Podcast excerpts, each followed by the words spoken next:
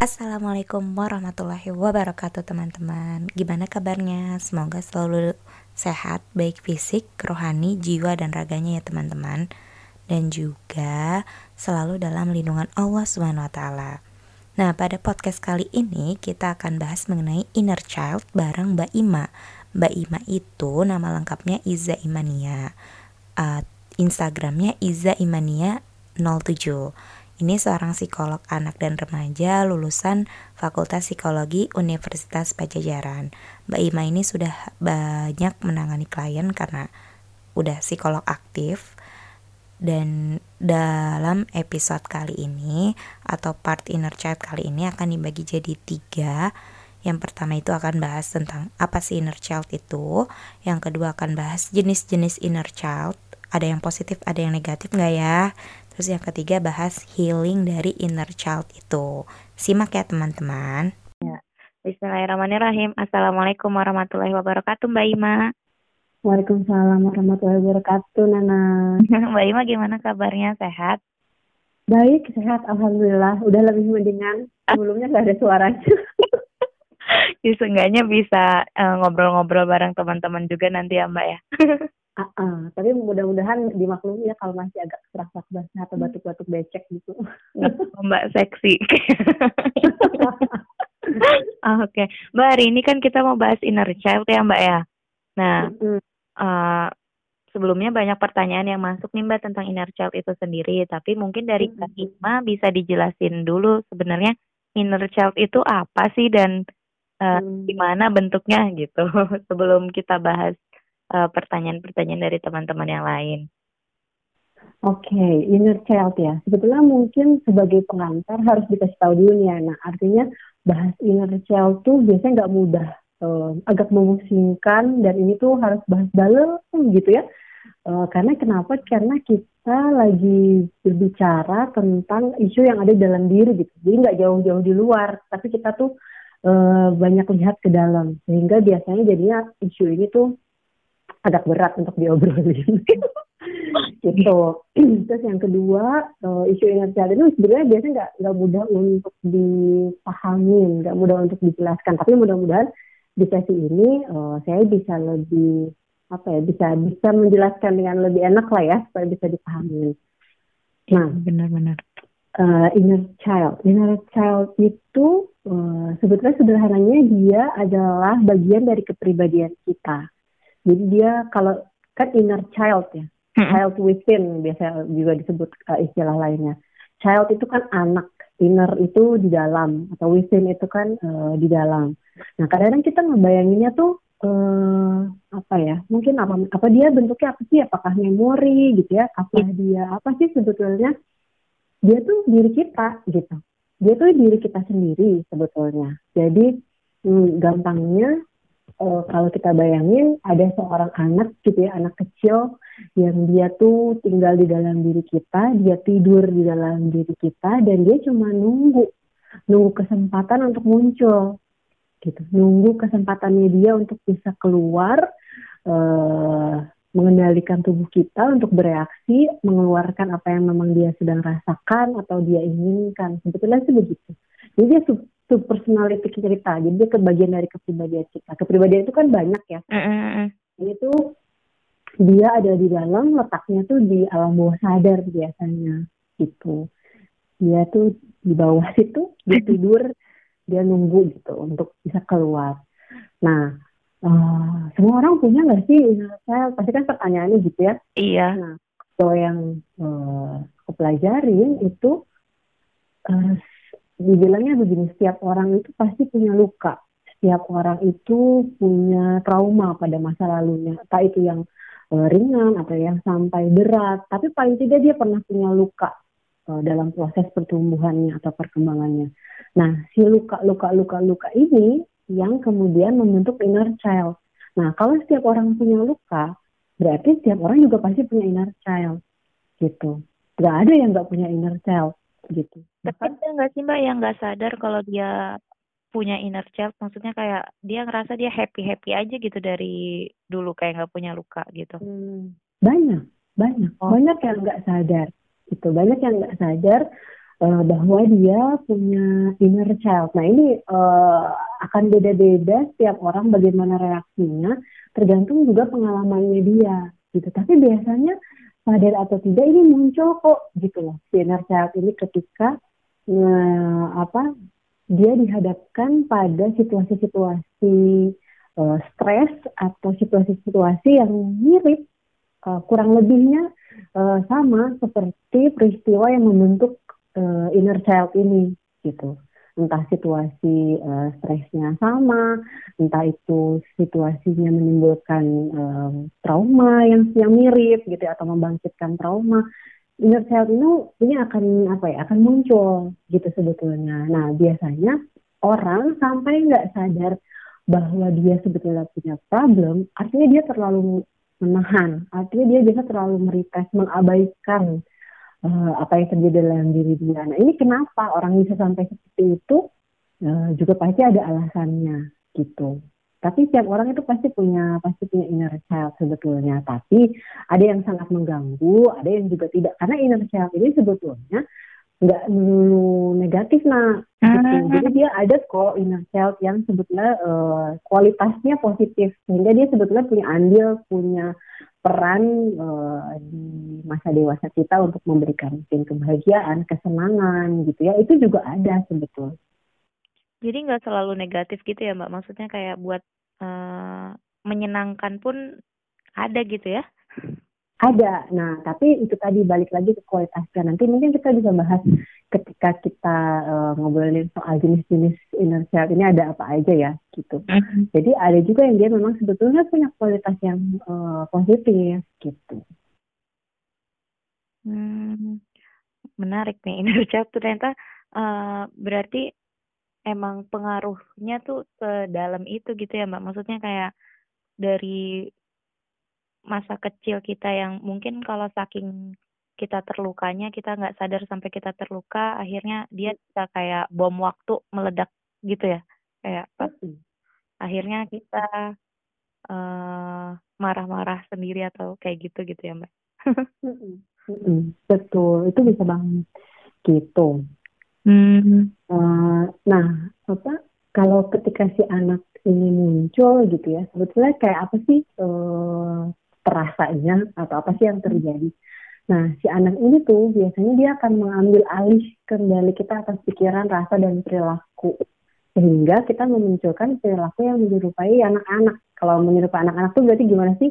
Kurang terkendali gitu ya. Hmm. Dipengaruhi sama si emosinya, ekspresif, atau justru sangat uh, sangat-sangat apa ya, uh, sangat ditahan gitu kalau misalnya pada orang dewasa. Tapi saking dia dipengaruhi sama emosi, terus dia jadi entah itu menghindar, diem aja, bungkam gitu ya.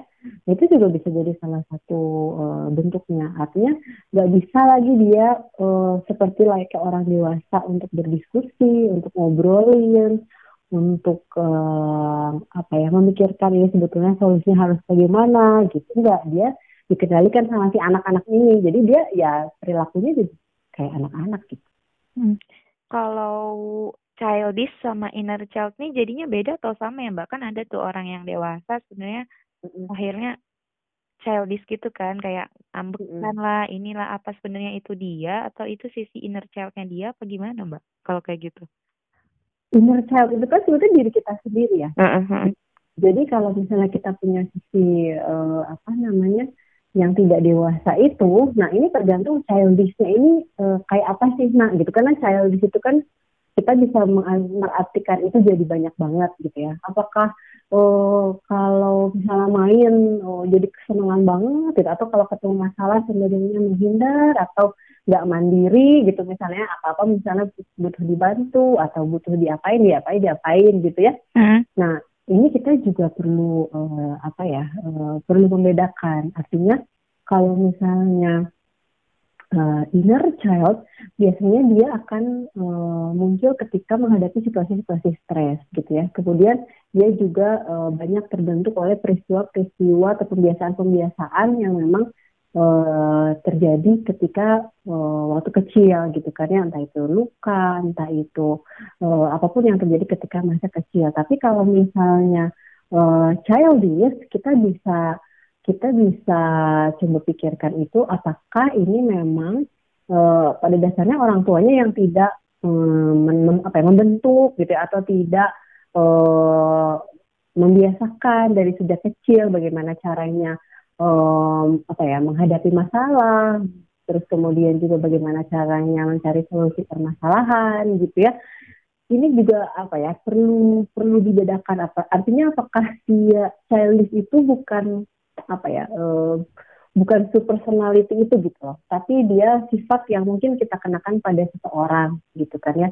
Hmm. tapi kalau inner child itu dia tuh uh, lebih dalam lagi dari itu gitu loh. Jadi dia betul-betul terbentuk uh, di dalam diri kita yang bisa sampai sangat berpengaruh ketika kita uh, dewasa gitu loh. Tapi kalau misalnya childish, childishnya seperti apa dulu gitu loh kalau yang Nana tanyakan.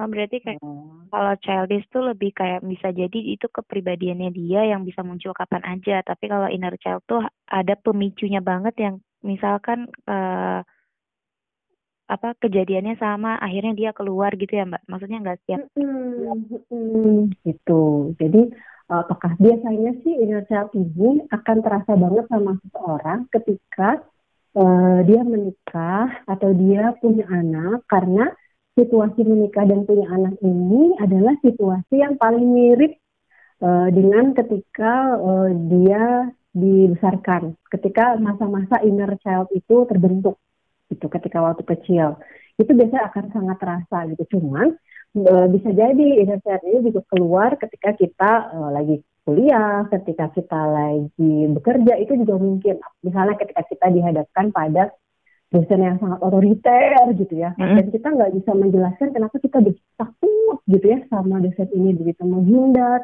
begitu nggak bisa nggak bisa gitu ya untuk uh, ngobrol sama si dosen ini takut banget. Nah ada apa gitu?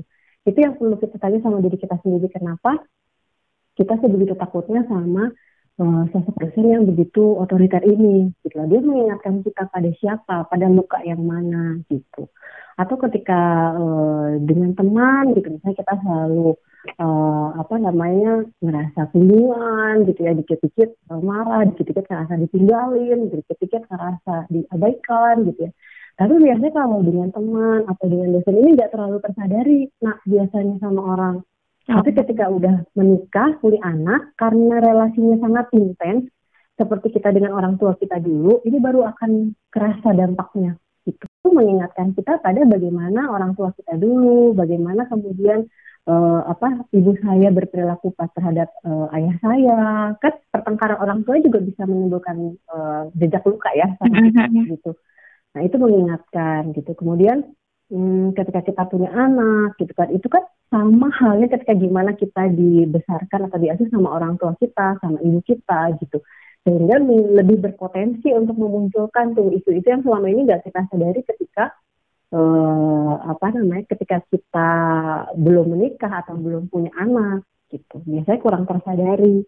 Hmm. Gitu. Paling yang yang yang mungkin si childish itu adalah uh, sifat yang salah satu sifat yang bisa muncul uh, karena adanya si kepribadian inner child ini nak gitu loh. Um, uh, apa ya? satunya ya? Perilakunya uh, perilakunya itu si childish itu. Nah tapi dia bukan mungkin dia bukan inner child. Inner child itu ada lagi dalam diri siapa gitu. Apa inner childnya itu yang memunculkan si perilaku agak childishnya ini Berarti sebenarnya kita harus peka dan sadar dengan diri kita sendiri dong ya Mbak, kalau mau ngatasin itu ibaratnya gitu ya. Banget, banget, banget. Ini ada hmm, apa namanya ada quotes ya dari hmm. Jung. Aku boleh bacain nggak ya? Tapi dia bahasa Inggris.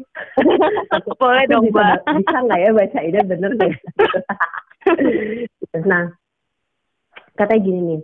Uh, Jung contended that to be whole, we must continually strive to our shadow and that this quest is our first test of courage. It is easier to project the dark side of our personality onto others, to see in them the ugliness and evil that we refuse to see in ourselves. Jadi kalau kata Jung, supaya kita menjadi pribadi yang utuh, kita itu harus selalu secara kontinu, kontinu itu berarti secara terus menerus gitu ya, hmm. uh, masuk mengenali shadow bayangannya kita. Bayangan itu, bayangan tuh sisi gelap di dalam diri kita gitu. Ini adalah uh, sebetulnya ujian pertama keberanian kita untuk mengenal siapa diri kita sendiri. Itu mengenali uh, sisi gelapnya kita, dark side-nya kita. Kita tuh akan lebih mudah nih kalau kata Jung, lebih mudah memproyeksikan proyeksi itu uh, melihat gitu ya, uh, melihat sisi jelek, sisi buruk tuh dibanding di orang lain dibandingkan ke diri kita sendiri karena sering kali kita tuh refuse, kita tuh uh, menolak untuk melihat sisi-sisi gelap dalam diri kita. Nah kalau kita nggak bisa lihat itu, nggak bisa mengenali itu, berarti kita tuh belum jadi pribadi yang utuh kalau kata Bapak uh, Jung, ya salah satu tokoh psikologi ini. Hmm. Yang juga teorinya uh, mendasari munculnya si inner child ini. Hmm, ya berarti emang kita uh, harus cinta sama diri sendiri seburuk-buruk apa pun itu gitu ya Mbak? Nah mungkin uh, supaya juga kita lebih paham kena tahu gitu ya hmm. inner child di dua tuh apa sih sebenarnya gitu. Yeah, yeah. Nah barangkali kita juga perlu tahu ada apa aja sih jenis-jenis inner child mm -hmm. itu. Nah jenis-jenis inner child ini akan dibahas pada part berikutnya. Stay tune.